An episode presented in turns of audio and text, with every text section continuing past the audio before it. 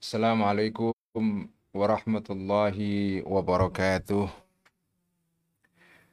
Bismillahirrahmanirrahim. Alhamdulillahi rabbil alamin.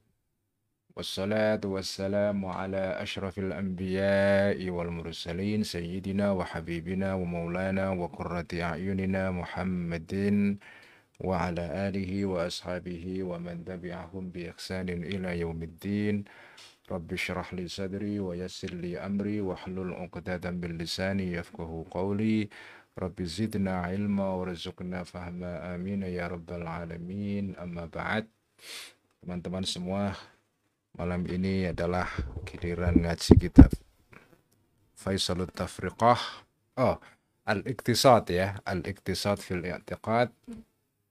Dan mari kita buka ngaji ini seperti biasa dengan menghadiahkan Al-Fatihah.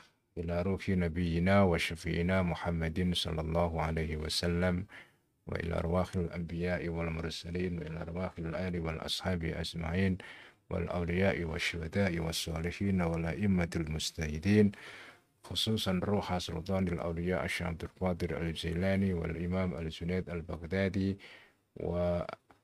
حجة الإسلام أبي حامد الغزالي والشيخ الأكبر محي الدين ابن عربي والإمام أبي الحسن الشاذلي وإلى أرواح أولياء الله تعالى في أرض نسندرة خصوصا أرواح ولي الصنع وخصوصا روح ولي الله جدنا بأحمد متمكن. قدس الله أسرارهم وروى ضرائحهم وعدم بركاتهم ونفعنا بعلومهم. وإلى أرواح علمائنا مؤسسي جمعية نهضة العلماء وسائر الجمعيات الإسلامية الأخرى في إندونيسيا خصوصا روحان باشم أشعري كي واحد كستور كي خالد بangkalan كي Wahab, كي Bisi Sansuri, كي As'ad, كي Ahmad Siddiq, كي Maksum, كي Ali Maksum, كي Abdullah Salam, كي Sal Mahfud, كي Arwani, وإلى أرواح آبائنا وأمهاتنا وأجدادنا وجداتنا خصوصا روح أبيك عبد الله رفاعي وروح أمي نعي سلامة وروح أمي نعي فاطمة وفر الله ذنوبهم وستر عيوبهم ويعلي درجاتهم شيء لله لهم الفاتحة أعوذ بالله من الشيطان الرجيم بسم الله الرحمن الرحيم الحمد لله رب العالمين الرحمن الرحيم مالك يوم الدين إياك نعبد وإياك نستعين اهدنا الصراط المستقيم صراط الذين أنعمت عليهم غير المغضوب عليهم ولا الضالين. آمين.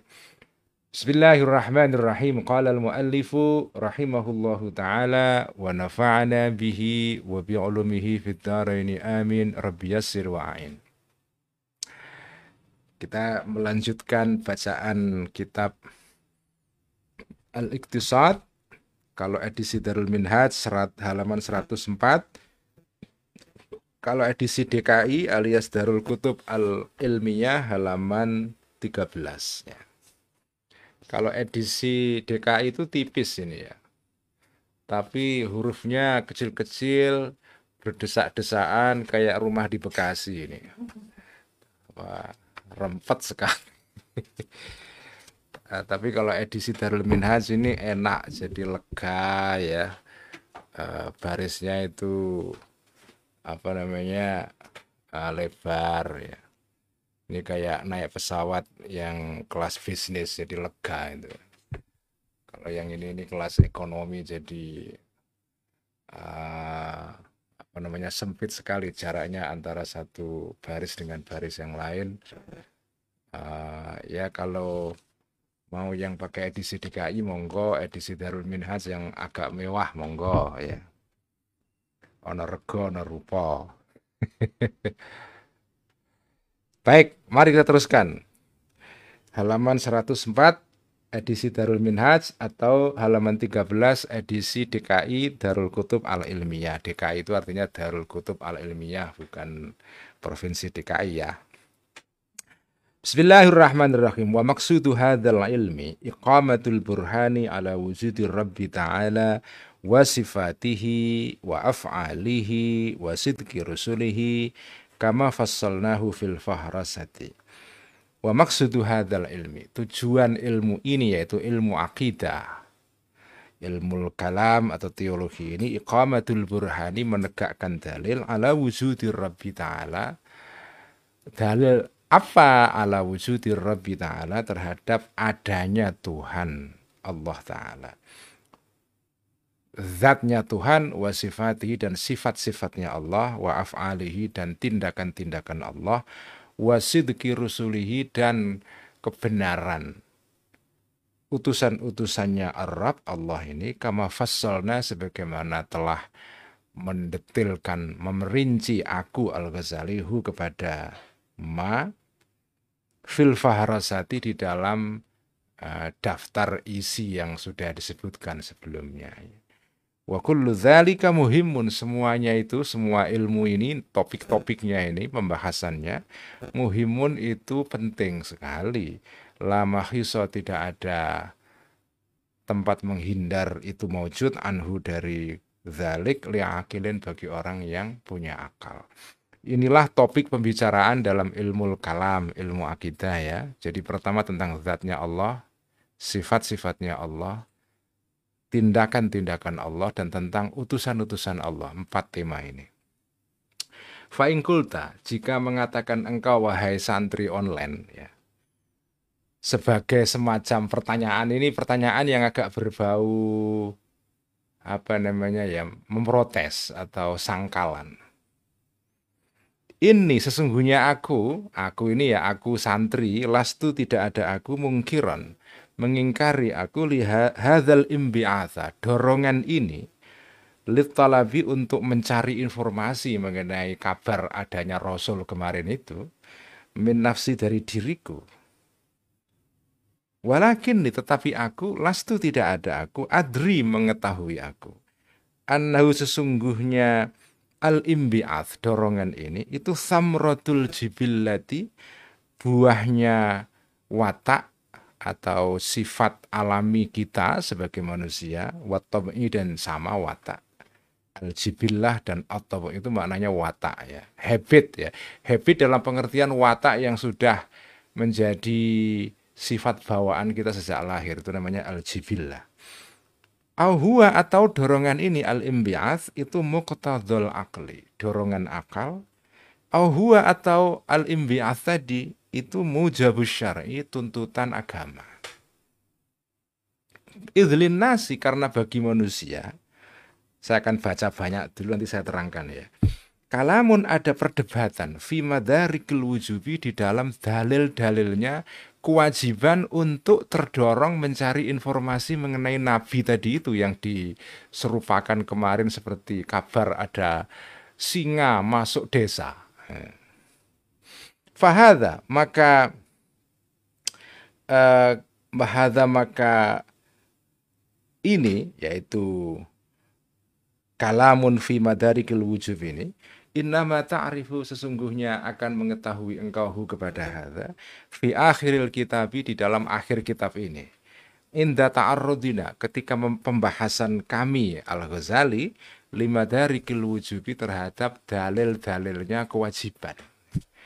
Jenengan itu wajib mengetahui Allah sifat-sifatnya segala macam itu itu berdasarkan akal, agama atau watak atau sifat alami kita ya, naluri kita nanti diterangkan di akhir kitab ini. Wal istighalu dan mempelajari atau sibuk menyibukkan diri bihi dengan uh, dengan kalam ini kalamun fi madarikil wujub al-ana sekarang di pembukaan ini fudulun itu adalah suatu kemewahan. Itu adalah sesuatu yang lebih bukan perkara yang pokok. Ini luxury ya. Bukan barang pokok tetapi kemewahan Fala sabila, bahkan tidak ada jalan itu maujud ba'da wuku'il imbi'athi setelah terjadinya dorongan untuk mengetahui tentang kabar adanya nabi ya, yang membawa pesan-pesan dari Tuhan. Dorongan ini tidak terjadi illa al-intihadu kecuali uh, gumregah. Gumregah itu cepat-cepat bangkit ili talabil khalasi untuk mencari keselamatan.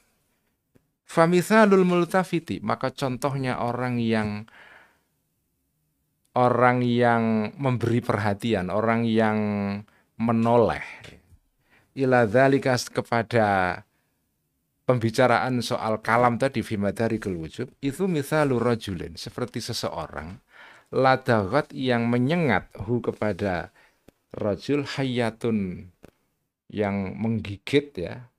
Hayatun ular au akrabun atau kala jengking apa kala jengking skorpion itu. Wahia sementara ular dan kala jengking ini muawidatun selalu berusaha kembali lilladhi untuk menggigit. Warrajulu dan seseorang yang digigit ini qadirun. Sementara, ini jumlah hal ya. Warrajulu dalam keadaan ya hale laki-laki ya tidak hanya laki-laki perempuan juga yang digigit ini qadirun berkuasa alal firari untuk lari karena digigit ular masa terus diem? Mestinya kan lari kan.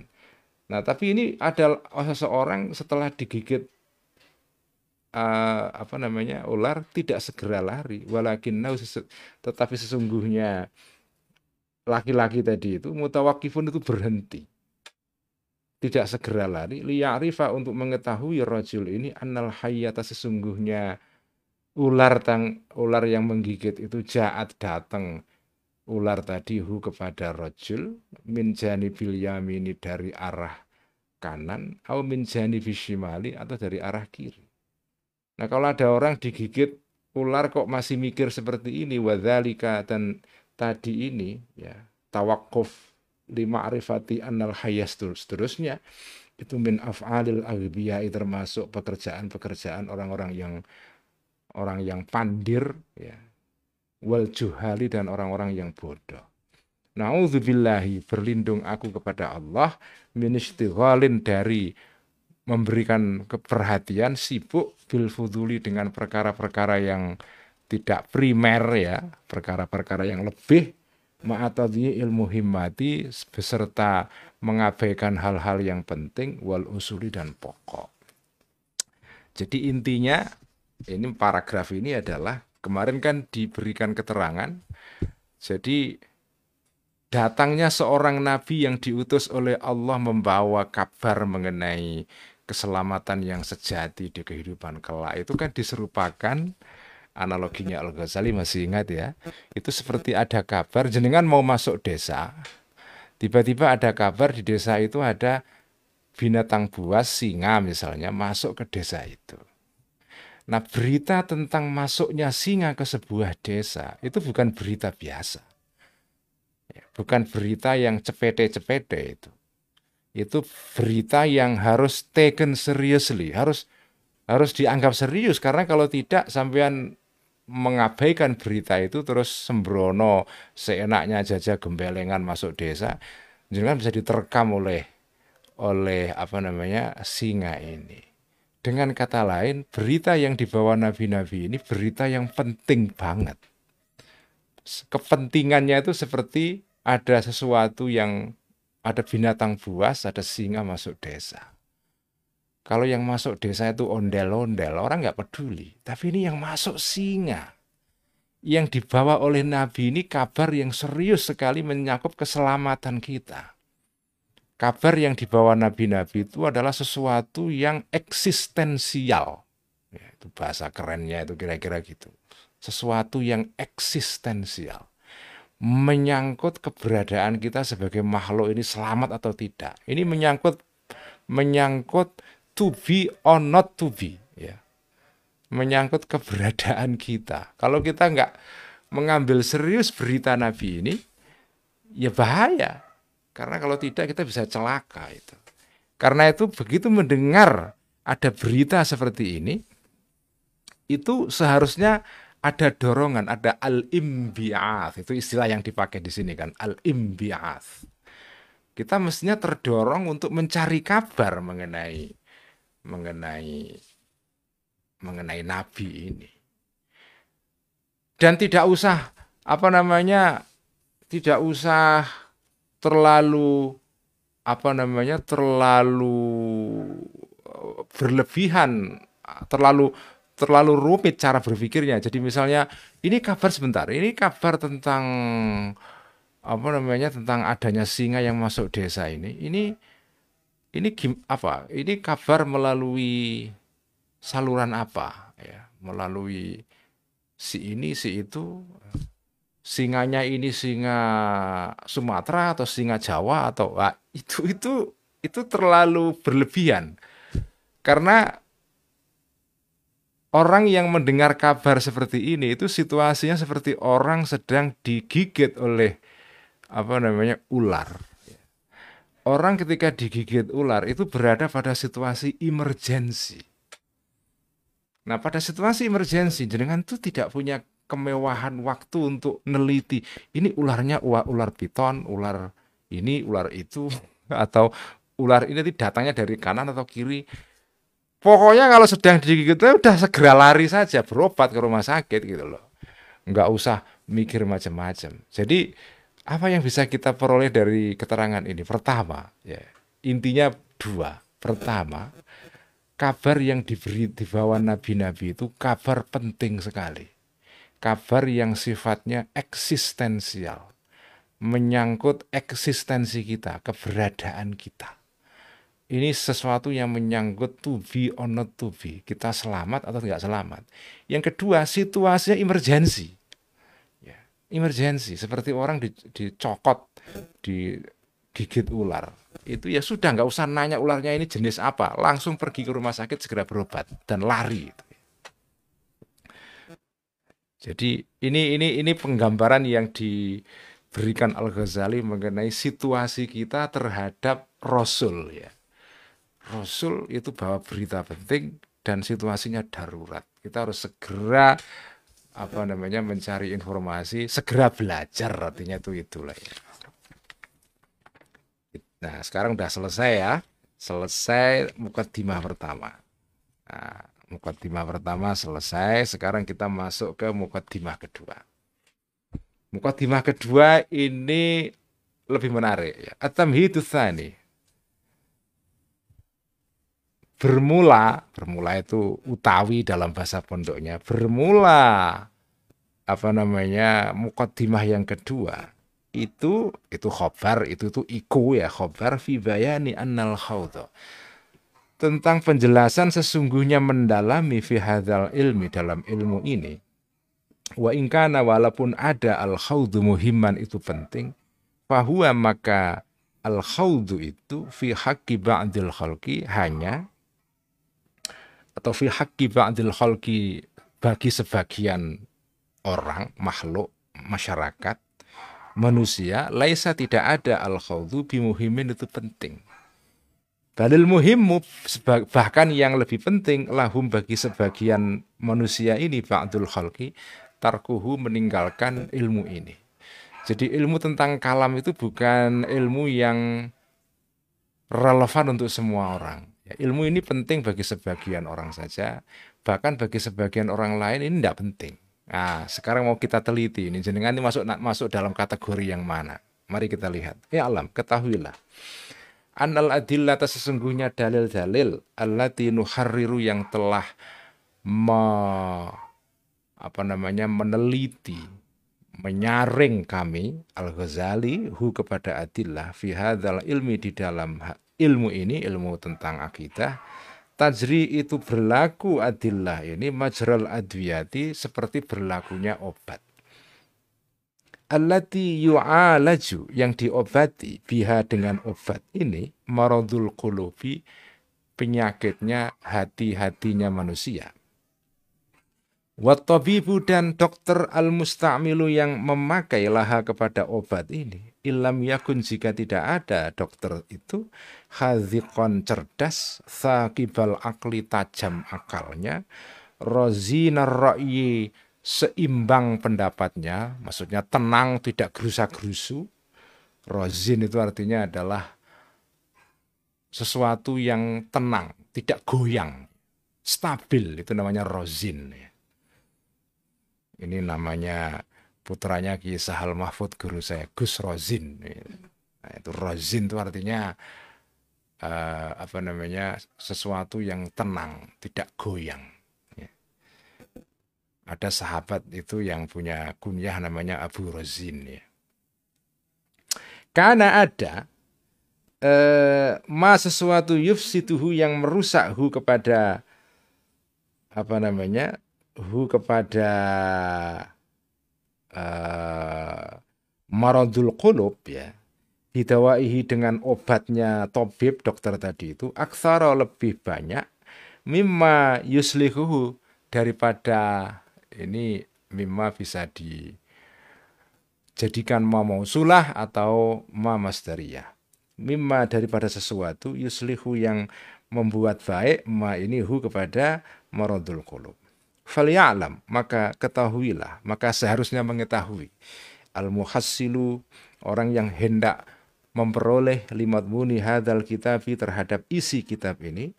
Wal mustafidu dan orang yang mengambil faedah lihadil ulumi kepada ilmu-ilmu ini. Annan nasa sesungguhnya manusia arba'u firrokin itu ada empat kelompok.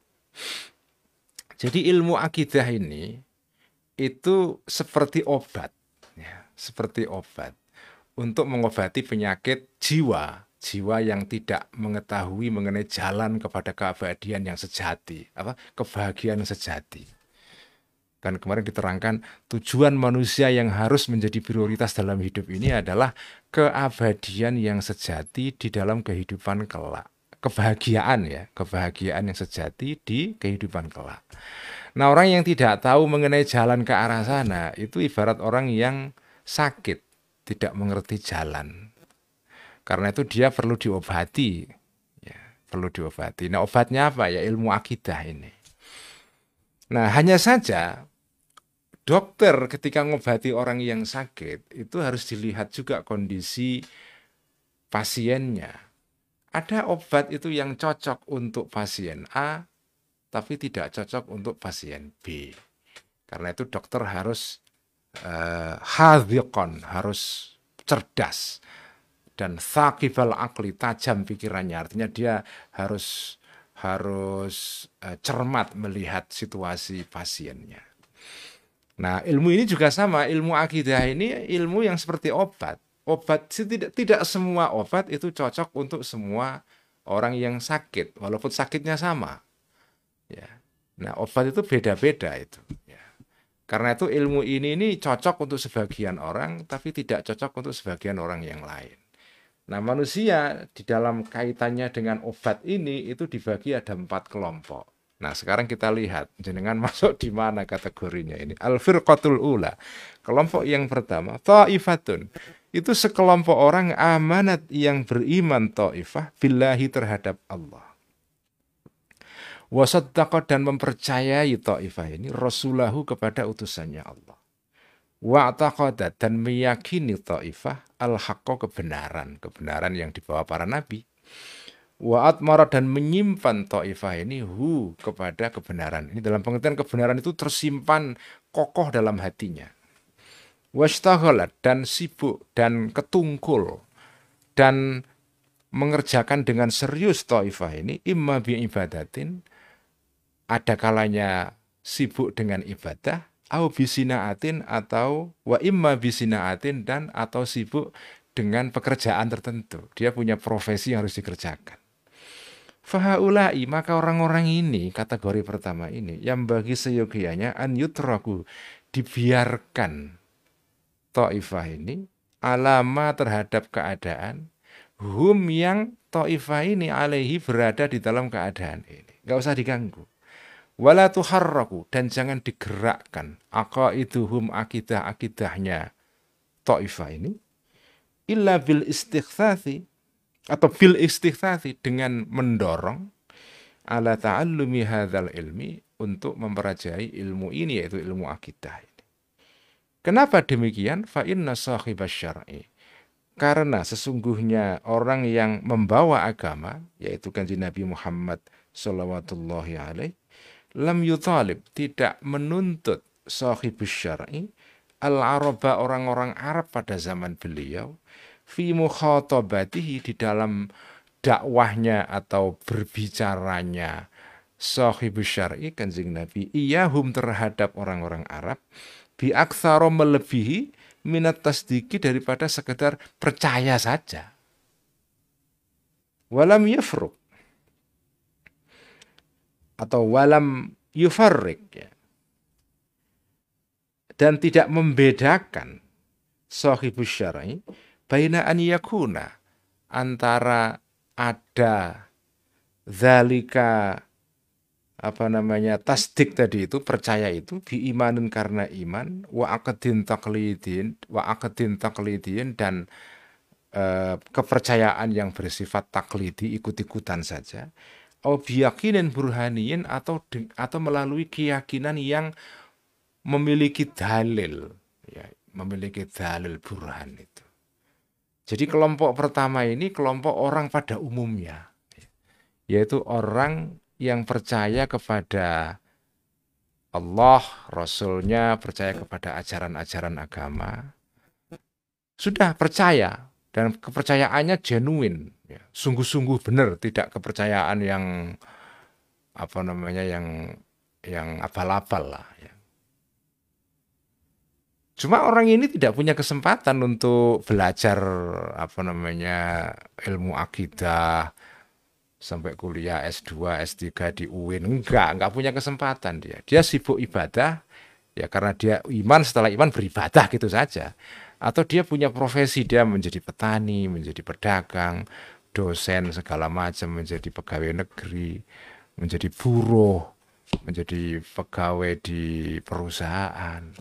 Enggak ada waktu untuk belajar ilmu-ilmu kayak gini ini. Malam ya habis itu tidur nggak ada waktu untuk ngaji online juga nggak ada. Nggak punya kuota. Jadi ya kasihan banget lah pokoknya lah ya. Nah orang seperti ini sudah lah yang penting dia percaya iman ngibadah ngerjain profesinya untuk mencukupi keluarganya nggak usah diganggu akidahnya sudah biarkan saja biarkan saja karena kanji Nabi dulu itu ketika menerima orang-orang Arab Badui masuk Islam, itu ya ya bisa diterima saja. Enggak ditanya, "Oh, kamu ini beriman melalui apa?" Melalui dalil, argumen yang kuat atau sekedar ikut-ikutan teman atau apa namanya kamu apa? Ada yang ngiming-ngimingi kamu dengan uang, Indomie atau apa? Enggak ada kajian Nabi enggak nanya begitu. Iman ya sudah bersyahadat diterima aja. Nah inilah kebanyakan orang di level pertama ini. Jadi orang yang seperti ini nggak usah diganggu. Nggak usah diganggu. Biarkan mereka menikmati kesyahduan beragama. Sambil sibuk mengerjakan uh, pekerjaan sehari-harinya.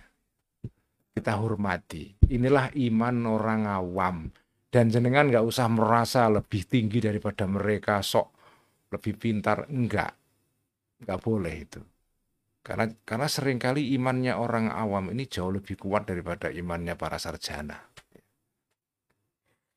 jadi seperti dibela oleh Al Ghazali dalam kitab Faisal bagian akhir kemarin pembelaan kepada orang-orang awam ini konsisten Al Ghazali konsisten dalam Ikhya juga begitu dalam kitab Faisal juga begitu, di sini juga sama. Makanya ini diletakkan di kategori pertama. Ya. Orang pada umumnya ya di kategori ini.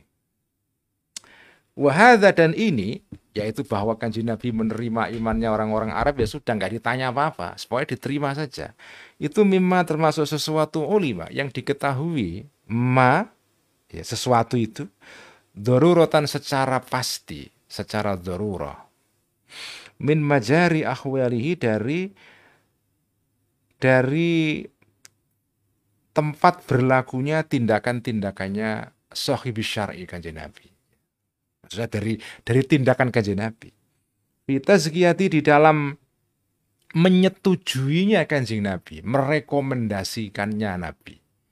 Sahib syar'i mengendos itu tazkiyah itu endorsement sebetulnya. Tazkiyah itu dalam bahasa sekarang yang modern kekinian, tazkiyah artinya endorsement. Kajian Nabi ngendos saja. Imanaman, imannya orang-orang sabako yang telah lalu orang ini min ajlafil Arabi yaitu orang-orang Arab yang orang-orang Arab yang tidak berbudaya, yang pokok-pokok itu loh, ya, ajlaf itu. Orang-orang Arab yang murni, Arab Badui ya ila tasdiqihi uh, sabako ya ta'alluqnya ila kepada fi'il sabaqa ila tasdiki berlalu atau cepat-cepat sabaqanya berlalu atau cepat-cepat ila tasdiki untuk mempercayai sahib syar'i alias kanjeng Nabi oh, tazkiyahnya kanjeng Nabi la bibahthin atau tasdikihinya la bibahthin tidak melalui penelitian dulu wala burhanin dan tidak melalui sebuah dalil bal bi mujarradi qarinatin sebaliknya hanya dengan mujarrad itu hanya ya. Kalau bahasa pondoknya meligine, meligi itu maksudnya hanya. Ya. Bimujarradi korinatin karena hanya sebuah korena dalil wa makhilatin dan sangkaan. Ya. Kata makhilah itu maknanya bisa sangkaan, makhilah. Atau makhilah artinya adalah kesombongan tapi kalau dibaca mukhayyilah artinya kekuatan untuk berfantasi. Itu istilah dalam filsafat yang banyak dipakai. Tapi kalau di sini makhilah. Makhilah artinya sangkaan atau artinya kesombongan. Tapi di sini artinya sangkaan. Wa makhilatin dan sangkaan sabakot yang cepat-cepat yang ber yang apa namanya yang yang terdahulu yang cepat-cepat sampai makhilah dan korina ini ila kolubim kepada pikiran-pikirannya atau hati-hatinya ajlaful Arab, orang-orang Arab Badui tadi itu. Setelah melalui sangkaan yang sederhana, tidak usah pakai penelaran yang dalam-dalam, fakadat, maka menggiringlah korinah dan makhilah tadi, ha kepada kulubihim hatinya para orang-orang Arab Badui, ilal idhani untuk tunduk, lil haki kepada kebenaran wal ingkiyadi dan tunduk juga lisidki kepada membenarkan kanji Nabi. Lisidki ayat tasdik. Fahaulai maka mereka-mereka ini orang-orang jenis pertama ini mukminuna orang-orang yang dianggap beriman hakon secara benar-benar. Falayam bagi maka tidak seyogianya antusyawasa untuk diganggu alaihim terhadap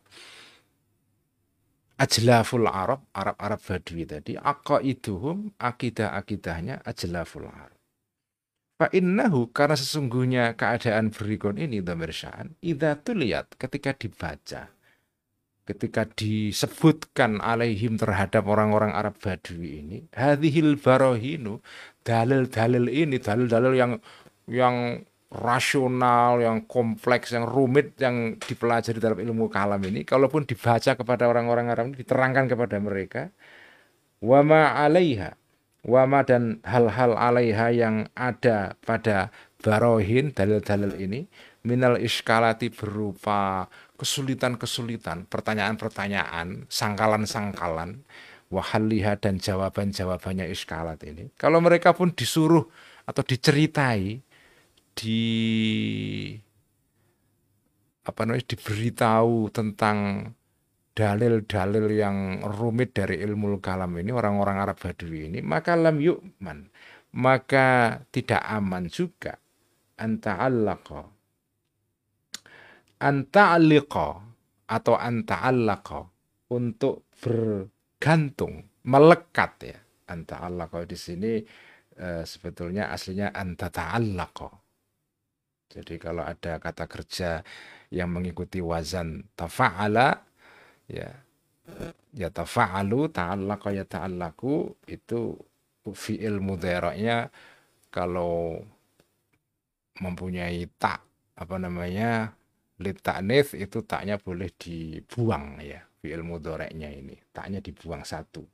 Lam yu'man maka tidak aman kau untuk melekat bi afwahihim bi afhamihim dengan pemahaman-pemahamannya orang-orang Arab Badui ini muskilatun kemuskilan minal muskilati berupa kemuskilan-kemuskilan kesulitan-kesulitan.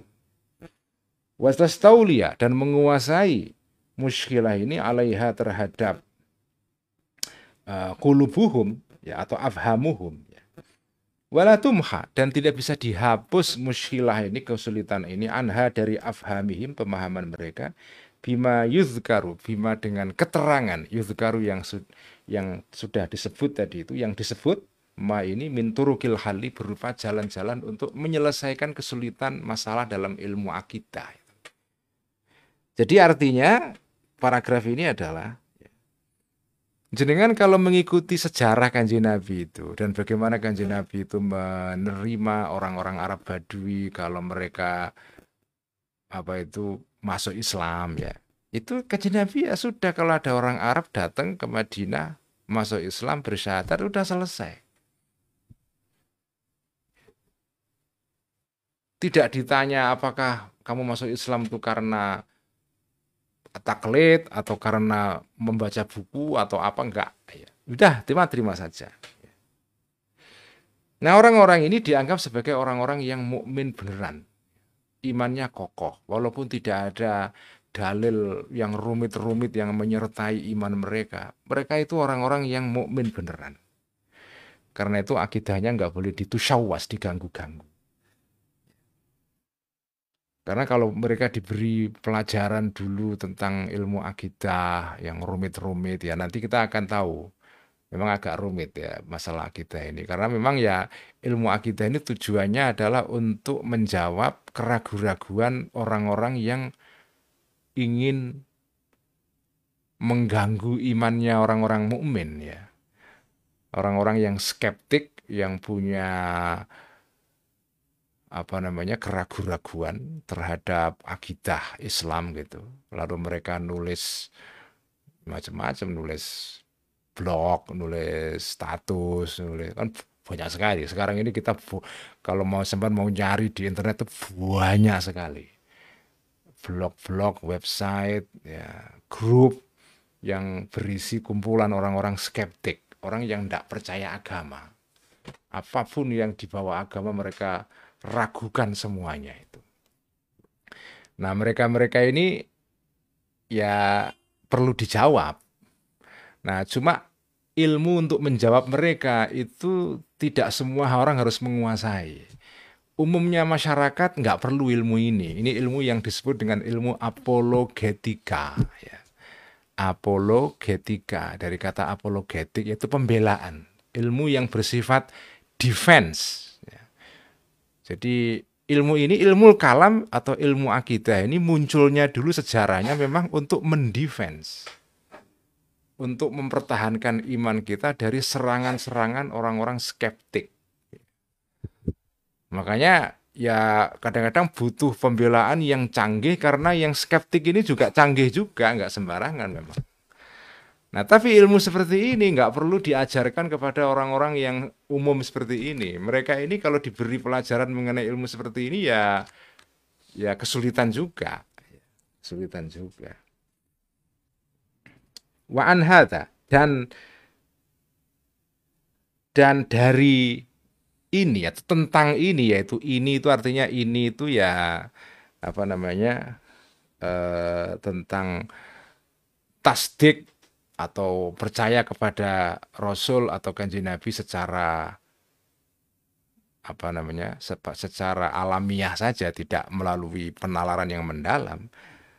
Lam yungkol tidak dipindahkan tidak diceritakan tidak didengar anis sahabat dari para sahabat al khawdu cerita tentang mendalami fi hadzal fanni dalam ilmu ini wala la bimubahasatin tidak dengan cara pembahasan-pembahasan wala bitadrisin dan tidak melalui pengajaran wala tasnifin dan tidak melalui karangan. Balkana sebaliknya ada syuhluhum kesibukannya para sahabat itu adalah al ibadata ibadah. Wa da'wata dan dakwah ajakan ilaiha kepada ibadah.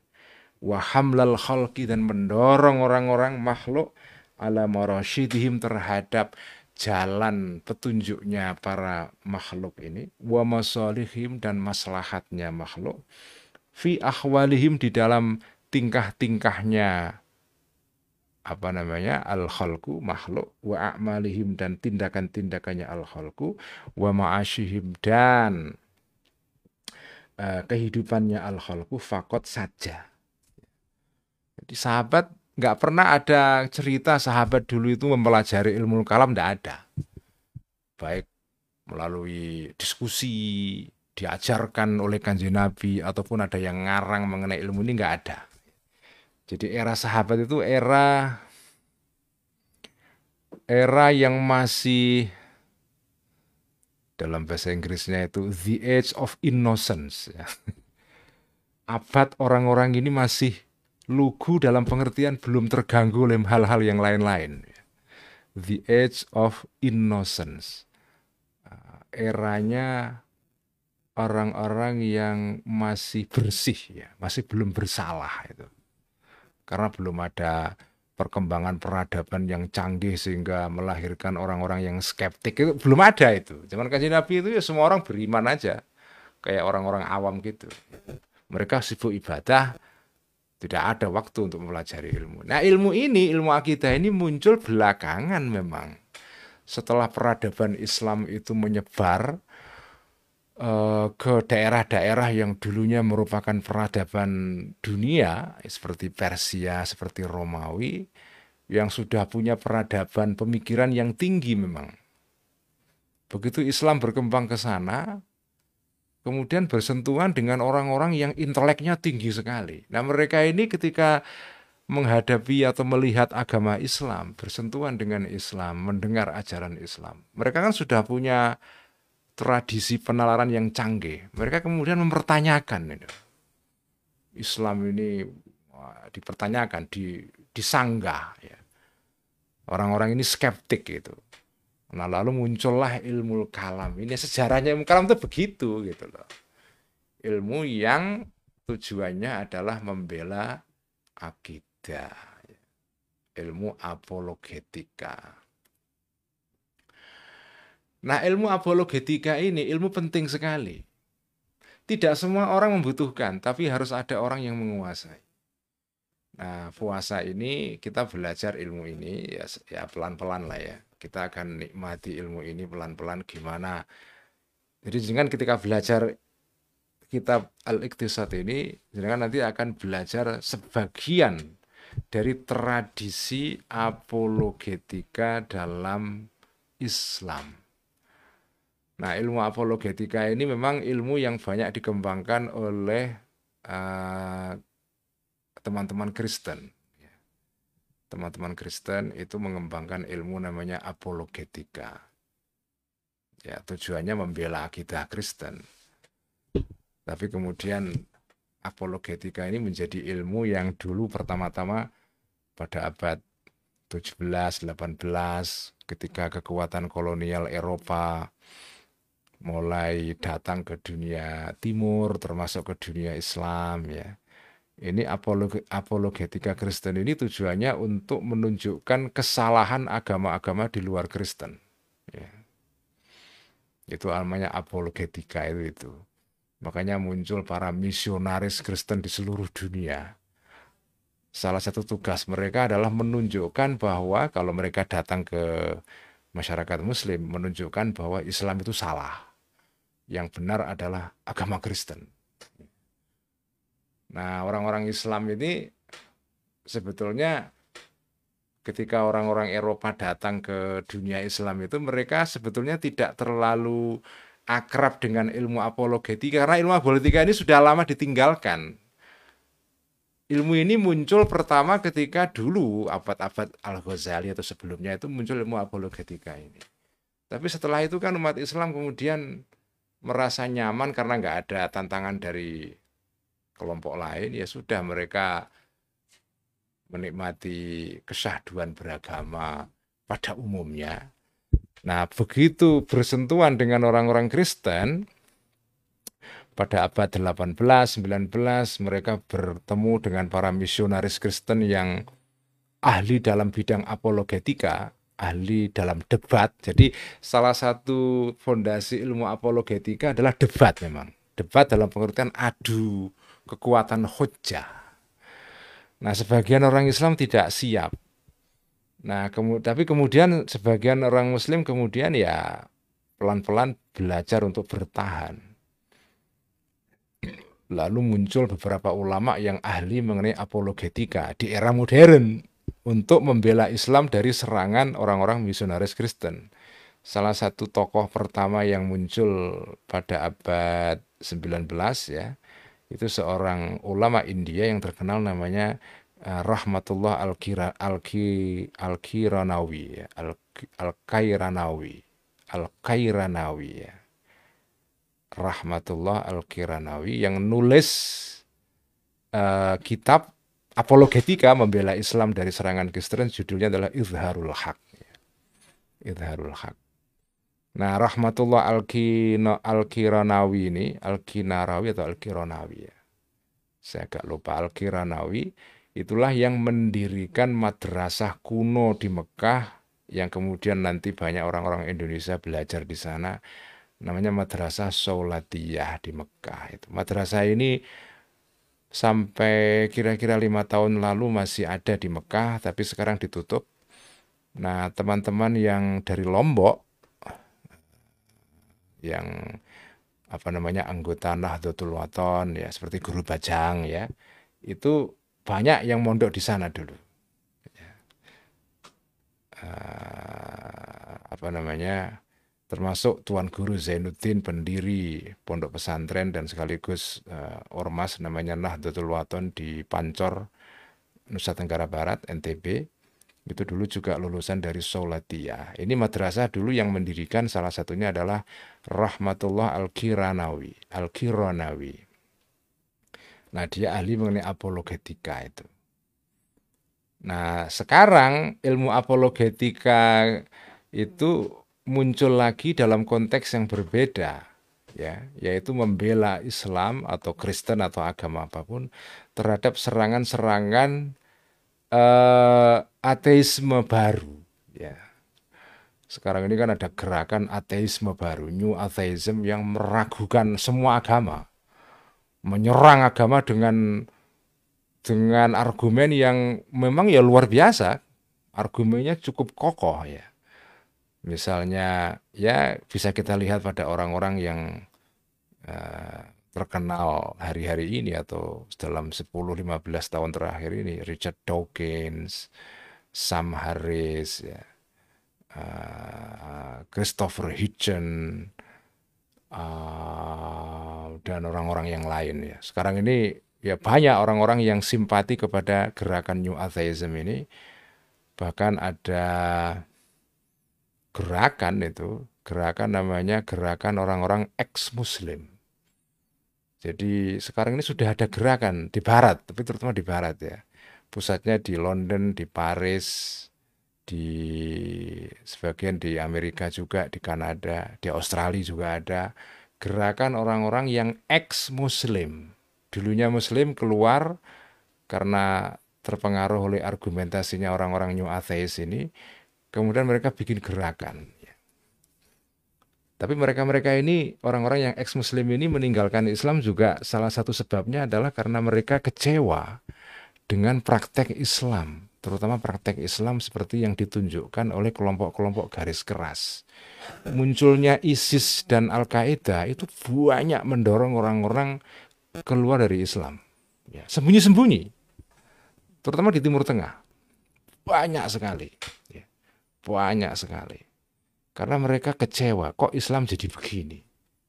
Ya, makanya salah satu alasan kenapa generasi baru sekarang ini agak kurang percaya dengan agama, ya, skeptik pada agama, itu ya karena perilaku orang beragama sendiri yang membuat agama ini jadi tampak buruk itu. Nah munculnya ISIS dan Al-Qaeda dalam 20 tahun terakhir ini itu menjadi pendorong banyak orang, terutama generasi baru, untuk lari dari agama, terutama dari agama Islam. Nah, menghadapi orang-orang seperti ini kita juga karena mereka setelah keluar bikin gerakan, bikin kelompok dan menulis buku untuk ya menyerang Islam ya. Kalau Anda aktif di Twitter banyak sekali akun-akun yang uh, hampir setiap hari isinya jelek-jelekin Islam dan menyerang Islam ya. Nah, Kristen juga sama menghadapi problem serupa. Uh, bahkan pengarang uh, toh, salah satu tokoh gerakan New Atheist ini kan Sam Harris namanya orang Amerika ya. dia nulis buku khusus terhadap orang Kristen itu a letter to Christian nation ya. A letter to, to a letter to Christian nation. Surat kepada orang-orang Kristen. Ya di situ isinya me, me, menunjukkan apa lah kekacauan akidah orang-orang Kristen. Makanya sekarang ini ilmu apologetika mempertahankan akidah ini salah satu tujuan pokoknya adalah membela akidah agama melawan serangan orang-orang New Atheist melawan serangan orang-orang New Atheist. Nah, jenengan ya kalau tertarik terhadap tema ini ya makanya kita belajar ilmu ini ya. Makanya ilmu ini tetap penting sekarang ini. Al-firqatu tuh. Sekarang kita masuk ke kelompok yang ke, ke kedua. Ta'ifatun adalah sekelompok orang malat yang condong, yang miring ya. Ta'ifah ini ani i'tiqadil haqi dari i'tiqad yang benar, yang tepat ya, yang lurus ya. Kelompok yang eh, tidak lurus, yang bengkok dari akidah yang benar. Kal kafaroti seperti orang-orang kafir ya. Wal mubtadi'ati atau orang-orang beriman cuma bid'ah, artinya tafsiran akidahnya tidak pas itu mubtadi'ah. Fal jafi, maka orang yang keras pikiran dan hatinya. Al-ghalidhu yang sama yang keras hatinya. Minhum di antara to'ifah kedua ini, kelompok kedua. Ad-da'iful akli yang lemah akalnya. Al-jamidu yang jumut, yang kekoh. Alat taklidi untuk taklid. Al-mutamarrinu yang biasa, alal batili yang terbiasa alal batili terhadap kebatilan min mabda'in nusyu'i dari sejak awal tumbuh lahir ila kibaris sini sampai tuanya umur. Ya sejak kecil sampai tua ya mereka berada pada akidah yang salah ini. Nah orang-orang seperti ini la yanfa'u tidak bermanfaat ma'ahu bersama ta'ifah ini illa sautu kecuali kekerasan berupa eh, kekuasaan ya. Illa sautu kecuali apa cambukan pecut ya. Wasaifu dan pedang. Fa'aktharul kafarati, maka sebagian besar orang-orang kafir aslamu beriman, berislam orang-orang kafir ini tahta zilali suyufi di bawah bayang-bayang pedang. Ini kita berbicara mengenai era Al-Ghazali bukan sekarang loh ya. Ya kalau sekarang ini ya menurut saya nggak relevan ini. Kan kan sampean nggak bisa memaksa orang masuk Islam dengan pedang. Ya di era Al-Ghazali masih banyak dan ini tidak berlaku hanya pada Islam saja. Semua agama di era itu ya begini. Jadi agama disebarkan dengan kekuatan militer. Ya.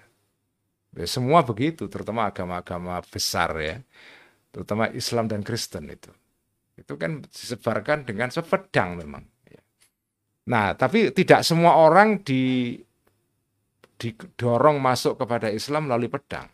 Hanya kelompok kedua ini saja, orang yang pekok-pekok yang nggak mau diajak berdebat atau tidak mau diajak untuk apa namanya berpikir ya, ya sudah. Alternatif lain ya ya udah diperangi saja. Dan mereka ini tidak hanya mengikuti akidah mereka saja, tapi mereka juga memerangi Islam. Nah mereka ya harus diperangi balik itu. Ya, tapi ini kita bicara pada konteks zaman itu ya, abad ke-10 Masehi ini. Kalau ini kita terapkan sekarang ya ndak bisa.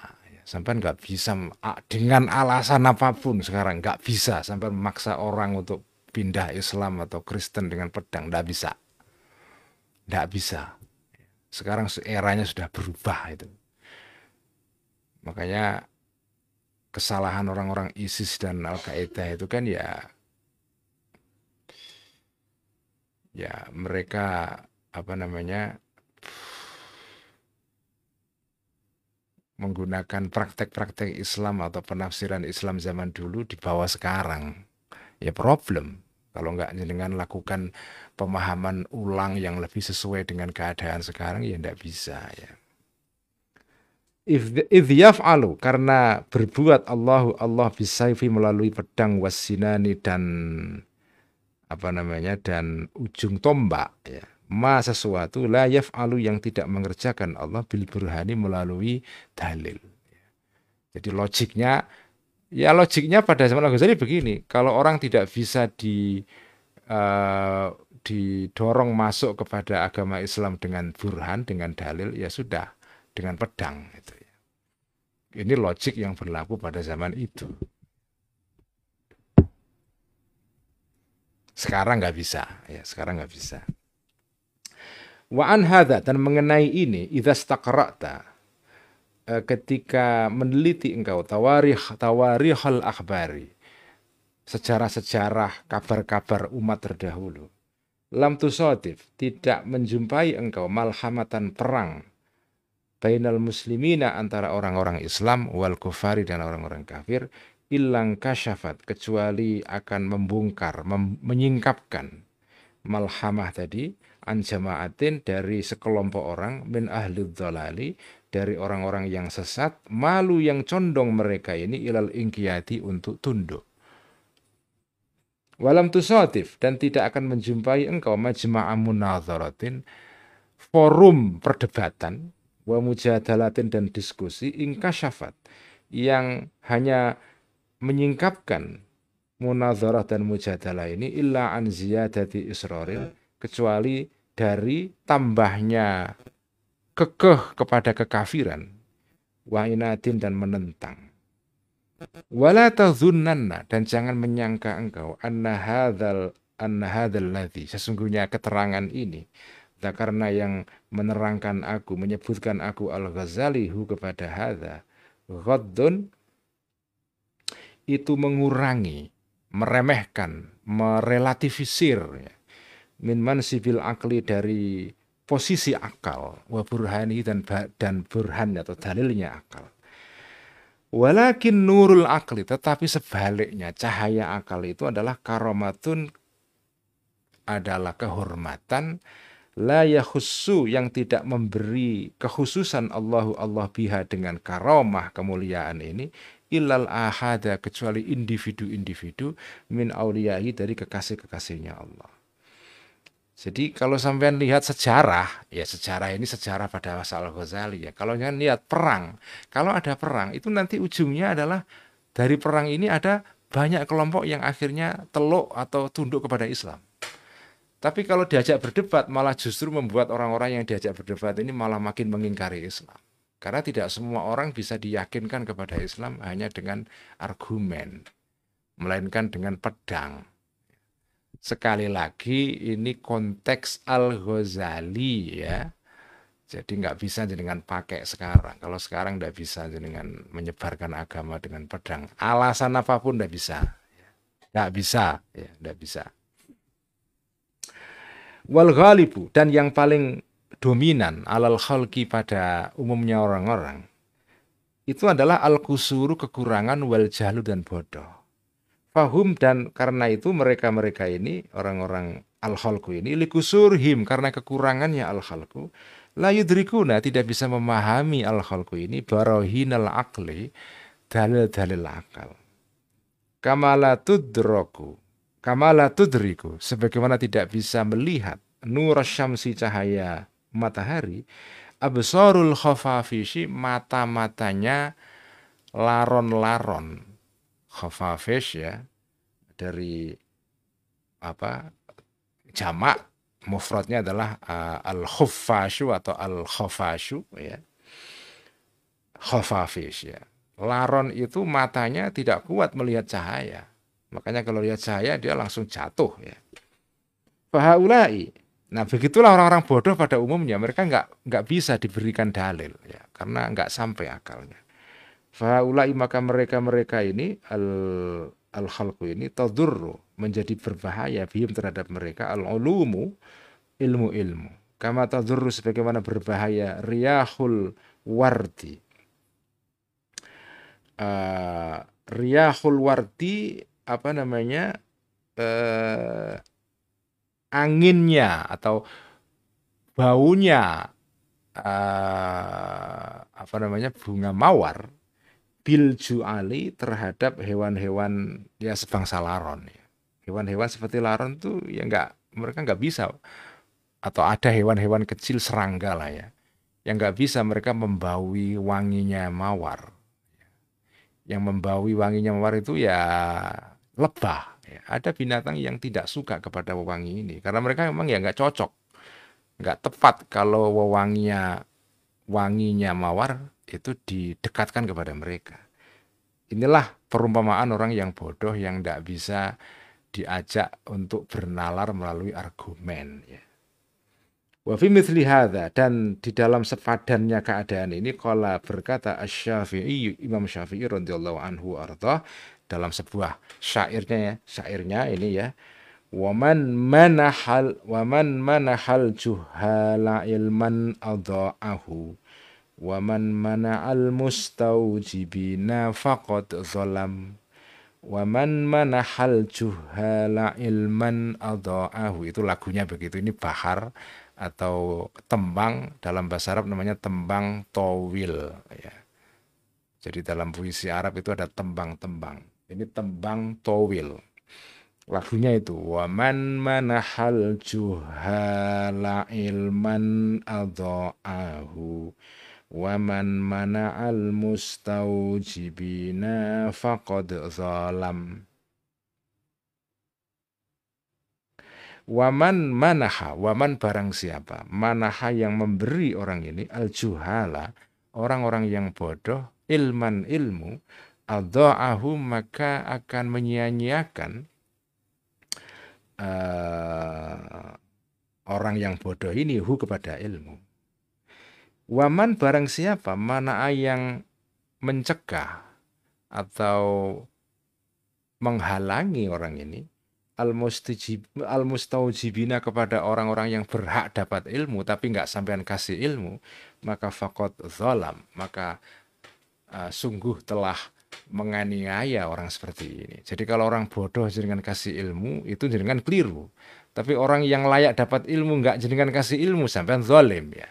Nah, argumennya ini sebenarnya benar ya. Argumennya adalah terhadap orang-orang yang tidak bisa diberikan dalil atau hujah argumen yang rasional ya sudah. Kalau pada zaman Al-Ghazali ya logiknya ya diperangi. Mereka dipaksa masuk Islam dengan pedang. Itu kalau logik zaman itu. Kalau sekarang ya sudah kita biarkan saja. Karena sekarang kan kita hidup di, di era yang mengenal ide tentang kebebasan beragama kan. Ya ya sudah kalau orang nggak mau dikasih ilmu ya udah. Ya usah nggak dipaksa. Ngapain dipaksa kan? Ya.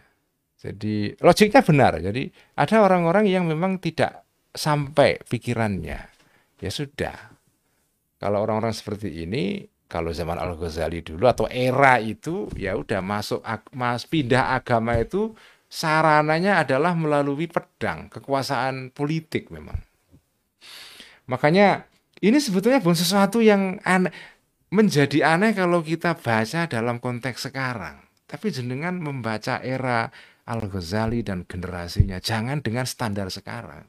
Ya enggak masuk. Pada zaman itu, bahkan sampai sampai menjelang abad 20 lah. Atau mungkin juga sekarang masih berlaku sebagian besar orang masuk agama, pindah agama itu karena faktor politik. Dulu, saudara-saudara, ya, orang itu masuk atau pindah agama itu umumnya berbondong-bondong, rame-rame. Begitu rajanya masuk ke agama A, semua orang ikut ikut ke situ. Ketika Raja Bone, apa Raja Bugis masuk Islam ya sudah semua orang berbondong-bondong ikut masuk Islam ketika Raja Aceh ketika itu sebelum berdirinya apa namanya uh, Samudra Pasai, kerajaan Samudra Pasai itu kan sebelumnya kan Hindu kan. Hindu atau ya Hindu kalau nggak salah. Begitu rajanya masuk Islam yang kemudian berubah nama jadi Al-Malikus Salah itu, ya udah semua orang Aceh masuk Islam. Itu makna dari ini sebetulnya ya. Jadi orang masuk agama karena faktor politik terpaksa karena tekanan politik rajanya masuk Islam masa sampai atau sendirian gak masuk agama itu kan tidak bisa karena pada zaman itu itu agama raja agama rakyat. Itu berlaku untuk semua agama mau Islam mau Kristen mau yang lain semua sama. Agama raja agama rakyat. Karena ketika itu belum belum ada ide modern yang namanya kebebasan beragama. Dalam pengertian baru ya ya sebetulnya Islam itu sudah mengenal kebebasan beragama tapi kebebasan beragama dalam pengertian dulu. Nah kebebasan beragama dalam pengertian modern yaitu bahwa orang itu boleh memeluk agamanya tanpa diganggu ya. Diperangi itu ya itu ide modern. Ketika itu belum ada. Nah jadi tapi keterangan Al Ghazali ini sebetulnya masuk akal.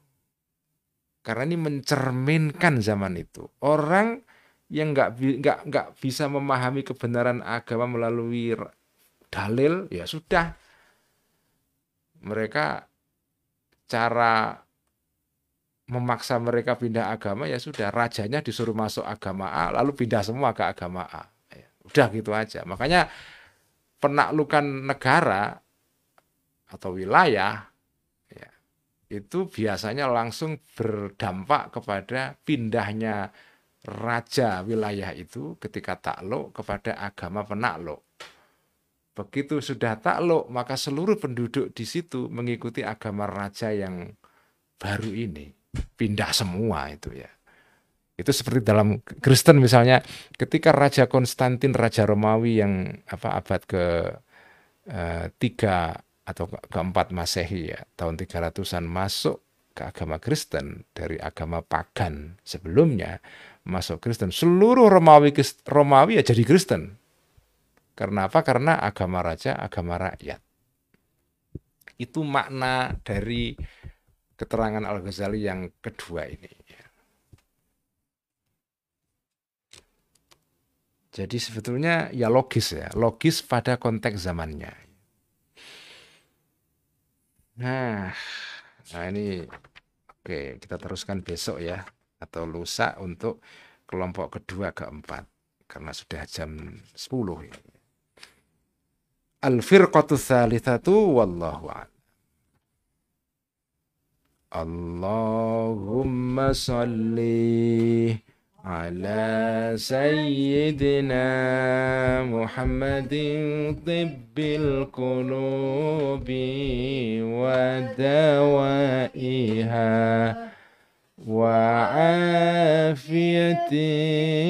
الأبدان وشفائها ونور الأبصار وضيائها وعلى آله وصحبه وسلم.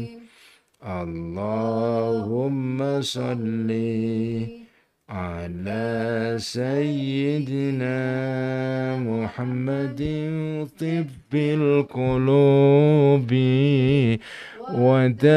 ودوائها وعافية الأبدان وشفائها. ونور الأبصار وضيائها وعلى آله وصحبه وسلم. اللهم صلِّ على سيدنا محمد طب القلوب ودوائها وعافية الأبدان وشفائها ونور الأبصار وضيائها. وعلى آله وصحبه وسلم sekian Assalamualaikum warahmatullahi wabarakatuh Terima kasih Mbak Titi